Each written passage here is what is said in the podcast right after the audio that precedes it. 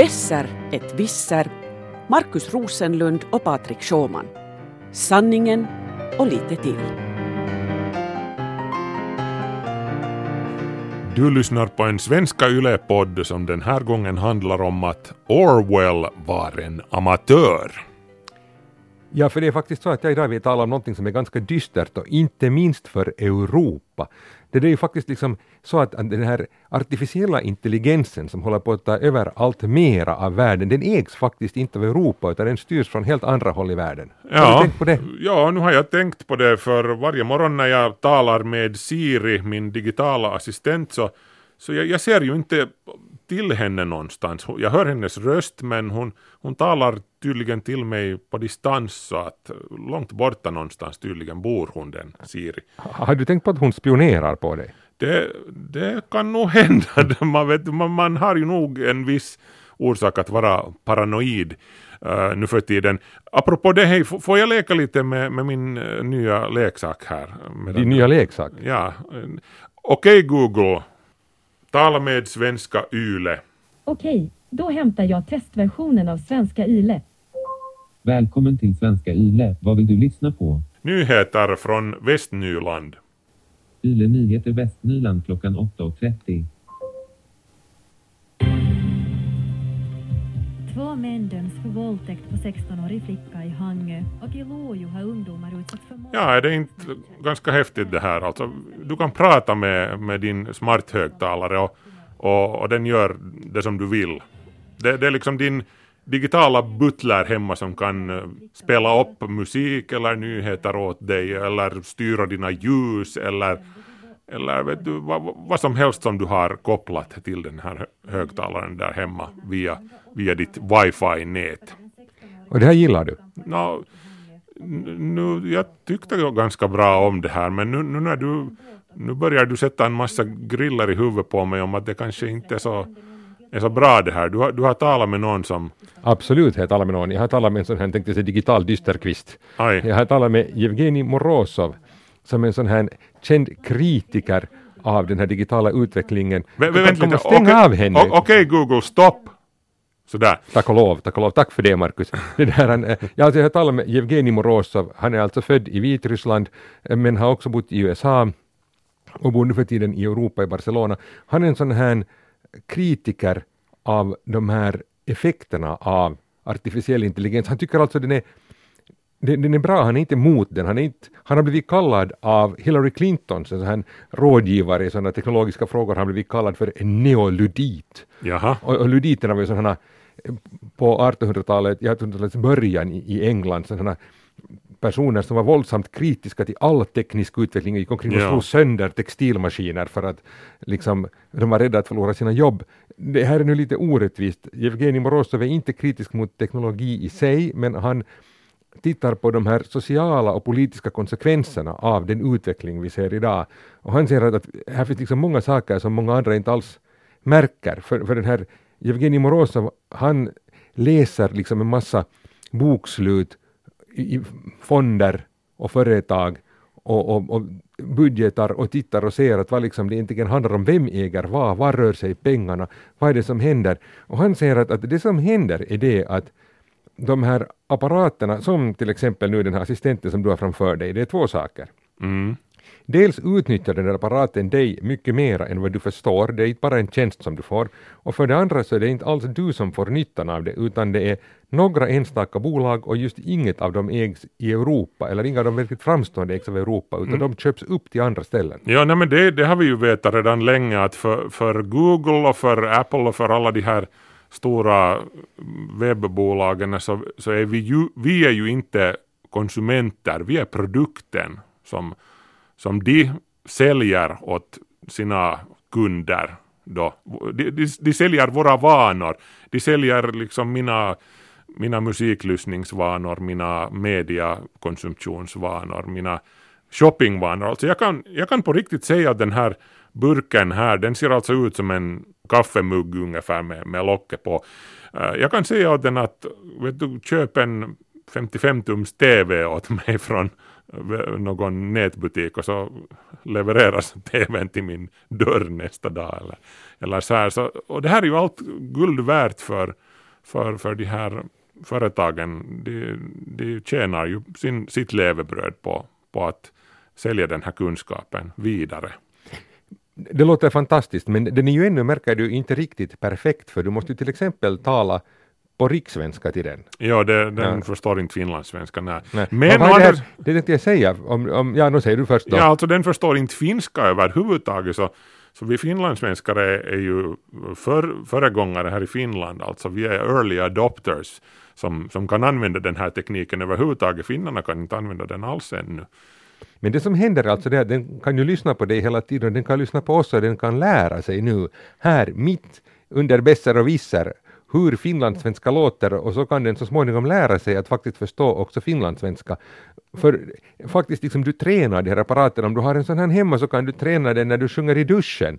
Liksom den, den kan lyssna på dig om du talar i sömnen, allt det här blir plötsligt värdefull data i det här mm. bolaget och det kan användas sen till att liksom utveckla produkten och, och, skapa allt mera produkter som sen kan bli mera användarvänliga i framtiden. Ja, men hej hör du, innan, innan du går vidare med att berätta om, om Morozov och hans funderingar, ska vi, ska vi kolla med våra egna inhouse Uh, det här tekniknissar nummer ett, Alexander Granholm och Micke Hinsberg, vad de säger. Jag frågar dem alltså att är de oroliga för att äh, vet du, storebror lyssnar via den här smarthögtalaren. För, för storebror lyssnar ju faktiskt, den, den lyssnar ju hela tiden. Den har hela tiden örat spetsat eh, ifall du skulle vilja någonting. Ja, det är ju lite poängen. Ja, ja. No, så här säger Micke och Alexander. Det är ju klart att risken finns alltid men jag skulle säga att de här är så pass hårt granskade just nu så att skulle det vara så att den ens av misstag skulle skicka data som den inte ämnar att skicka till sina corporate overlords. Så, så tror jag det skulle ha kommit fram i det här skedet redan att, att det har redan varit alltså sådana här de fick till exempel designa om Google fick designa om den andra, den här Google Home Mini som finns för att det var som för lätt att, att nudda i den så att den kopplar på sig eller, eller någonting sånt. Mm. Och, och de ändrar på det direkt också för att det visar sig då för säkerhets skull helt enkelt. Är du orolig Micke? No, det kändes kanske till en början med Ja, det kändes kanske till en början med aningen olustigt men, men som Alexander här säger så, så det ju, den, den har egentligen inte en öppen mikrofon så tillvida att den öppnar den där förbindelsen först när den hör det här nyckelordet. Och andra mikrofoner har vi ju annars också i våra hem, i våra datorer, i våra mobiltelefoner och till och med i våra TVn i högre grad. Mm. Så, så det där, äh, det, det, finns ju den här alltså risken för också att något hackare eller liknande ska komma över de här förbindelserna finns redan inbyggt i så gott som alla apparater som har det här förledes smarta mm. i våra hem. Um, så, så det, det, är ju förstås väldigt viktigt att man sök, sköter om säkerheten och har en viss tillit då på, på de tjänsteleverantörer man använder. Mm. Men i dagsläget så det har gjorts som Alexander säger noggranna undersökningar på de här och de har funnits uh, vara alltså så trygga som nu olika apparater kan vara. Mm. Det fanns ett sånt här fall med eh, Amazons version Alexa eh, där en familj i misstag fick en del av sin dagliga eh, samtal bara hemma bandade och skickade till en bekant familj som fanns mm. i deras kontaktlista. Uh, och det blev, blev en ganska stor skandal kring det här och Amazon redde ut det. Det var en väldigt osannolik um, kedja av händelser vad den hade uppfattat flera olika saker då som kommandon i, i deras liksom då bara samtal där hemma.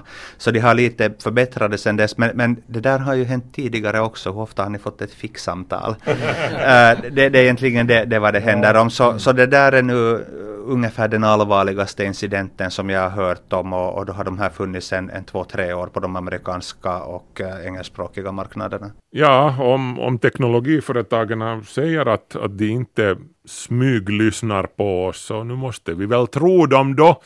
Jag menar, inte brukar de ju ljuga, eller hur Patrik? Jag hör att du inte har träffat Jevgenij Morozov. Nej, jag har inte, men berätta vad sa han? Eh, no, alltså det första, här är väldigt mycket, jag måste först säga det om Jevgenij Morozov, att han är ju inte den personen som först börjar prata om enkla konkreta exempel. Han är den vars stora styrka ligger i, som sagt, att han läser alla de här budgetarna och alla de här sakerna och så tittar han på de här stora bilderna. Och, och om man börjar med att se så här, så, så nu talar vi om några små högtalare, men i framtiden Mm. kommer det att utvecklas till liksom väldigt mycket mera. Ja, ja, det här är ju bara början alltså. här- vi, ja. vi, vi snackar om alla prylar kommer att ha öron i framtiden, när, speciellt sen när 5G-nätverket kommer och, och det här Internet of Things, sakernas internet, eh, börjar blomma upp riktigt på allvar. Så då kommer, då kommer vi att ha det här inbyggt alltså i själva väggarna i, i huset. Då kommer vi att vara tillbaka på, vet på 80-talets Viruhotell där, som bestod av 80 procent betong och 20 procent mikrofoner. Så, Alltså, det värsta är att du har rätt, jag blir alltså lamslagen här. Det, kommer vara, det finns en mikrofon i kylskåpet och en mikrofon i brödrosten och man liksom vet inte var, var ska man alls våga prata. Men det där, ähm, faktum är att, att det är ju redan liksom det är intressant, alltså det att den lyssnar, alltså han tror ju att den lyssnar hela tiden, alltså poängen med de här, många av de här grejerna som har att göra med artificiell intelligens, eller kanske alla till och med, är ju just det att de ska lära sig av vårt beteende. ja. Det vill säga, man köper och säljer en tjänst så här liksom i vardagen, men att det som företaget får ut av det är sen ännu någonting alldeles tredje som en biprodukt som är den egentliga biffen i det hela. Vi har till exempel de här högtalarna, du kan tänka du pratar med din högtalare och så köper den en TV åt dig och du tycker det var fint och du har betalat för högtalarna och du betalar för TVn och, och, och det är kiva så här. Men sen i slutändan så är det kanske så att den hela poängen är att den här apparaten ska lyssna på dig. Okej Google, spela Paranoid. Okej, där ser vi. Tack för det, om vi får igång den. Tack så mycket. Vi ska se om det här fungerar med våra copyright-regler här, tänkte jag säga. Nu den, den spelar Paranoid. Jag, jag har alltid velat säga att spela Paranoid åt en, åt en bot. Okej Google, stopp. Tack så mycket. Paranoid förstår du, paranoid. Jag, jag förstod Marcus, Ja, jag ja, förstod ja. din lilla släng här, men, men, men alltså Evgenij Morozov har ju skrivit då Tyst, om- Google. Ja, tyst. Okej Google, stopp. Okej det. Google, stopp. Vad fint övertyga mig Marcus om att den alltid lyssnar och att det aldrig går någonting fel vi kan lita på tekniken i alla väder. Klart vi kan. Jag blev jätteövertygad nu. Ja, vi ska se när det pratar om oss just igen. Ja, där Nej men du. tyst nu. Okej, men, vet du vad, man kan åtminstone... Ja. Nu börjar du dig. Där drog du ut stöpseln. Det finns ännu en, den där allra sista vetorätten som vi har, vi människor av kött och blod. Vi kan alltid dra ut sladden på de här sakerna.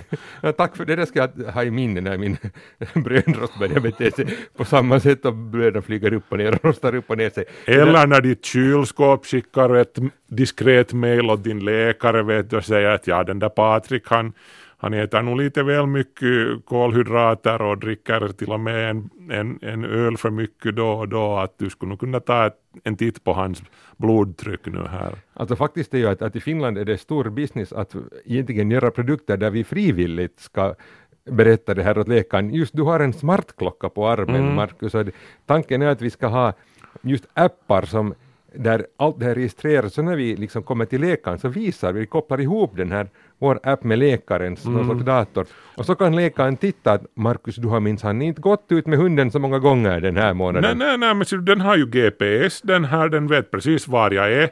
Den, den har inbyggd EKG-funktion, den kan ta ett komplett EKG godkänt av den amerikanska medicin, medicinstyrelsen och, och, och mejla det åt min läkare och utan att jag ens vet om det. Nå, naturligtvis får den ju inte göra det och den ska ju inte göra det. Men man, eller så kan den mejla det till vet du, Terveystalo och så plötsligt börjar jag få ter, Terveystalo-reklamer i, i den digitala postlådan. Ja, bara de betalar för det så kan de säkert få det. Ja, ja. Det är alltså eh, ett nyckelord, här finns många nyckelord här, det är vad du sa, den amerikanska medicinstyrelsen här. Ja.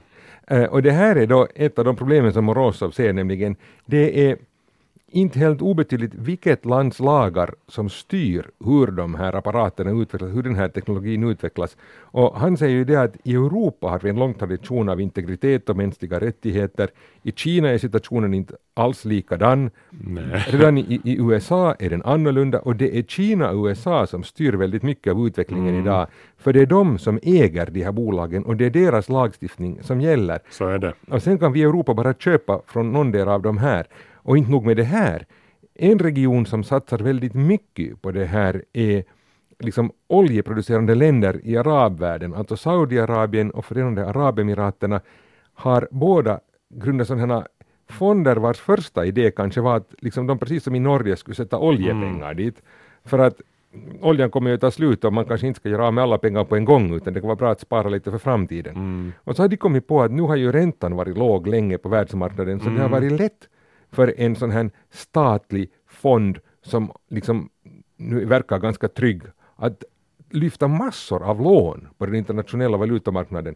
Och sen så köper man fondandelar i till exempel, det finns en stor japansk fond som eh, det där eh, jag heter ett namn som jag faktiskt har här och som jag har nästan Men, men vänta nu innan du börjar nämna namn här så menar du på allvar att, att araberna, shejkerna har, ha gjort samma sak som vi gjorde under den här så kallade teknobubblan i början av 00-talet då alla stod, kommer du ihåg, alla stod och, och köade utanför eh, den här, någon, vad det nu var för eh, uh, teknoföretags dörr att, kö, köpa aktier vet du, med, med barnens uh, cykelpengar. Eh, menar du att de, araberna gör samma sak nu? Alltså, det, är ju, det är ju att be om stryk. Alla vet ju att bitcoin bara är en dagslända. Vet du. Den kan vara värd absolut ingenting imorgon. Så, Men det är vad de gör, alltså den här fonden heter för övrigt Softbank Ja. och, den, och den är varken soft eller egentligen en bank så det är ett bra namn det också. Men det var jag tänker säga, den här Softbank till exempel som araberna placerar mycket pengar i för att få svara på din fråga, har till exempel investerat mycket pengar så att de kontrollerar Uber. ja, taxifirman. Ja. eller taxiappen. Här ska vi komma ihåg att nu är Uber bara ett exempel. Det finns många andra bolag där liksom man kan tänka sig vilken tjänst som helst. Alltså det finns företag som erbjuder att man går ut med hunden åt folk. Alltså det finns liksom ingen tjänst som man inte kan liksom skapa någon slags system för i plattformekonomin. Ja, men vad är, det, vad är liksom den här biffen här med Uber? Vad är den här kunskapen som, som de är ute efter? Är det, är det folks Oj, kör, massor, massor. körvanor eller? Jo, jo, jo för, för första är det att, att när du använder appen Ja. eh, och beställer den här eh, taxiskjutsen så får du ju information om var, när och hur behövs det taxiskjutsar Mm. i den här staden. Och sen ännu bättre är den här chauffören. För chauffören, de kan kolla att vilka rutter kör chauffören, vilka rutter Mm. lönar det sig att köra. Och de kan få information om det här. Och allt det här kan de använda för steg två, som är det att de slopar chaufförerna helt och hållet och sätter in Ja. Automatiserade bilar som kör själv. Ja, det är ju möjligt redan nu, alltså tekniskt så finns det ju bilar som kunde sköta det här.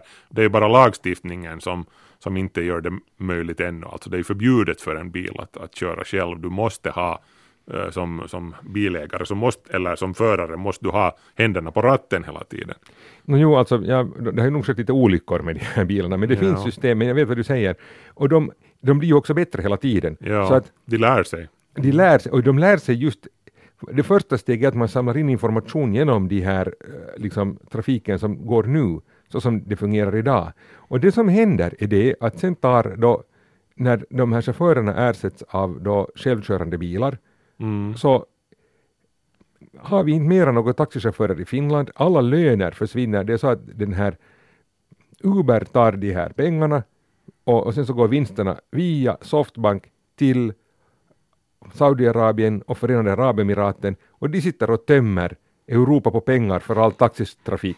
Och, all, och så här går det också i all annan service som liksom ägs någon annanstans. Nu låter du som Timo Soini, de här araberna kommer att tömmer Europa på pengar. Nej, de kommer ingenstans ifrån Marcus, de sitter där och tömmer det bekvämt i Saudiarabien Ja, ja. och Förenade Arabemiraten. På distans. På just det. distans, ja. Timo Soini kan vara till den delen alldeles lugn. Han kan bli av med sina pengar utan att se vem som tar dem. Men vet du vad, vad den där Uber-taxin har annars förutom då en, en, en, en möjlighet att köra själv vid behov, eller åtminstone i framtiden.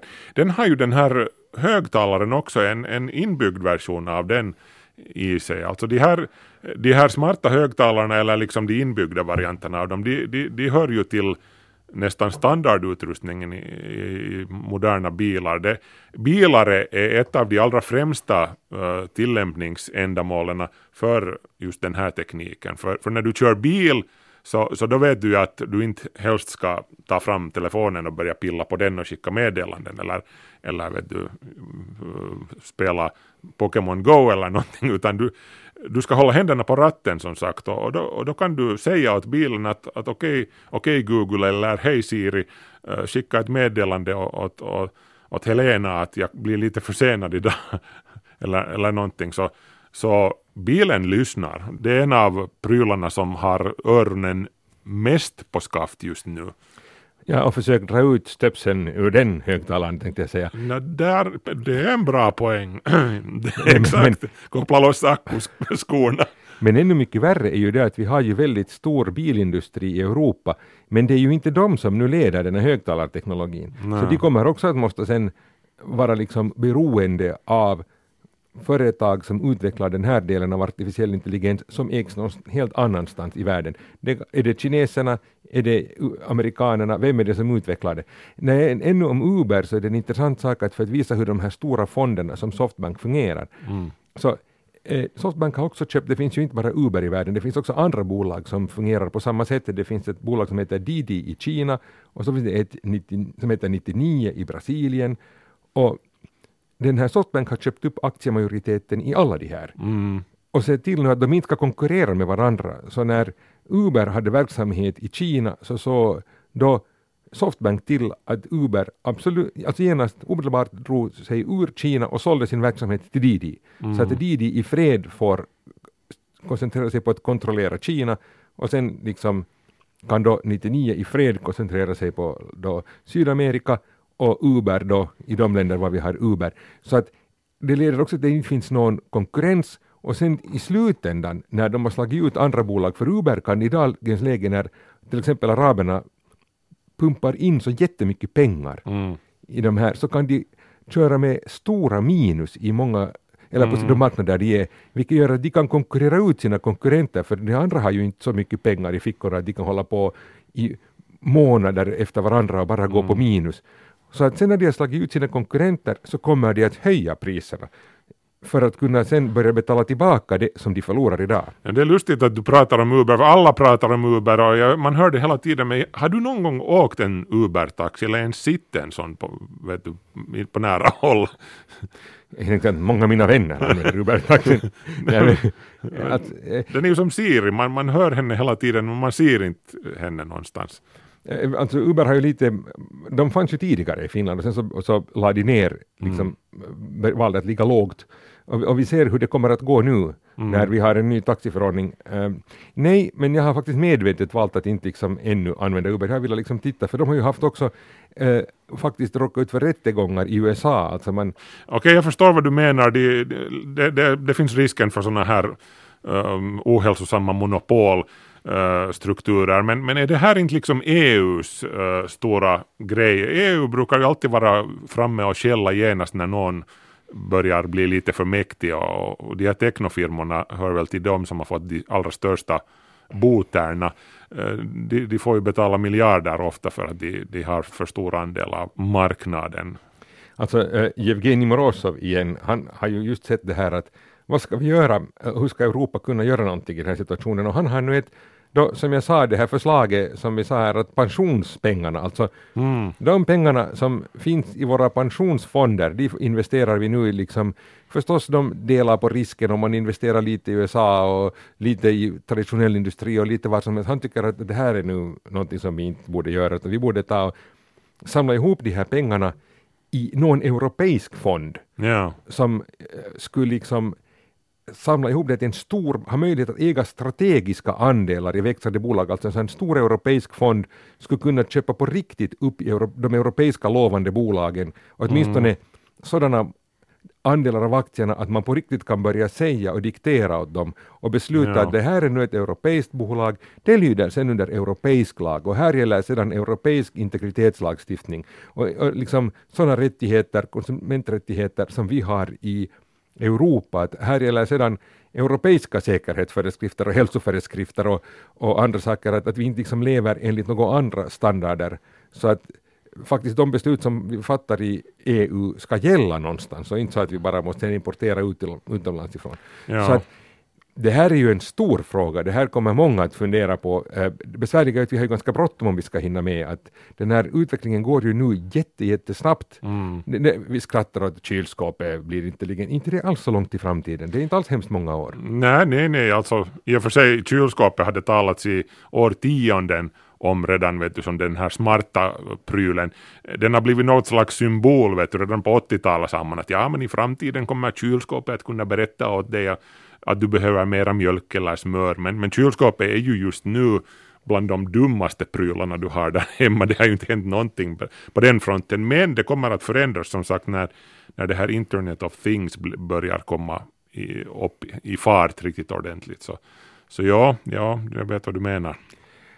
Så att vi får ju se hur det går alltså. EU har ju inte hittills varit känt för att kunna agera väldigt snabbt och tvärtom ser vi ju att, jag menar med Brexit och så här, så vi ser ju att liksom nationalismen, och då gäller det inte liksom en EU-nationalism där Europa skulle hålla ihop mot resten av världen, utan mm. en sån här nationalism som splittrar EU för tillfället finns. Och jag, jag är den första som säger att, att man måste ju försöka vara realist här att vi ser ju praktiska problem också i hur EU fungerar. Mm. Men vi skulle behöva ett fungerande EU för att kunna göra som Jevgenij Morozov säger, ett EU som folk vågar lita på där beslutsfattande är sådant att vi skulle våga sätta våra pengar ihop i samma fond och börja agera kraftigt, för EU har nog den politiska styrkan att göra det. Mm. Och vi skulle kunna få upp de här företagen och kunna stödja dem och få artificiell intelligens som så att säga hemvävt spioneri. Vi har våra egna spioner som spionerar på oss, att det inte bara är andra.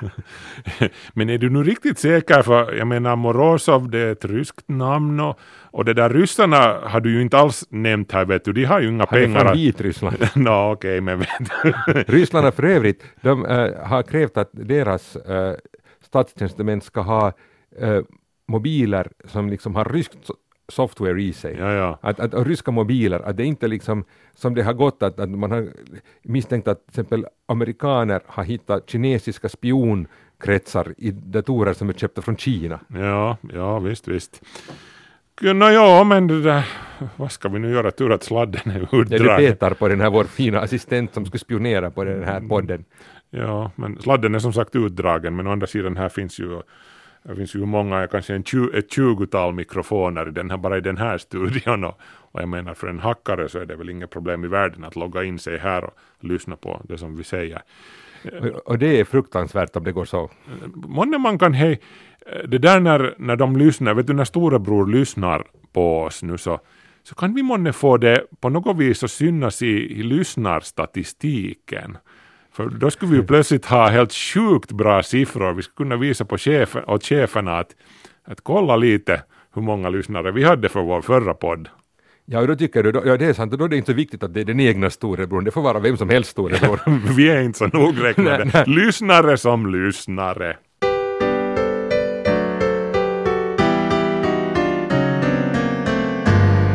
Du har lyssnat på en Svenska Yle-podd med Marcus Besser Rosenlund och Patrik Wissar-Sjåman. Vi är tillbaka i en podd där vi bara pratar och lyssnar väldigt dåligt nära dig.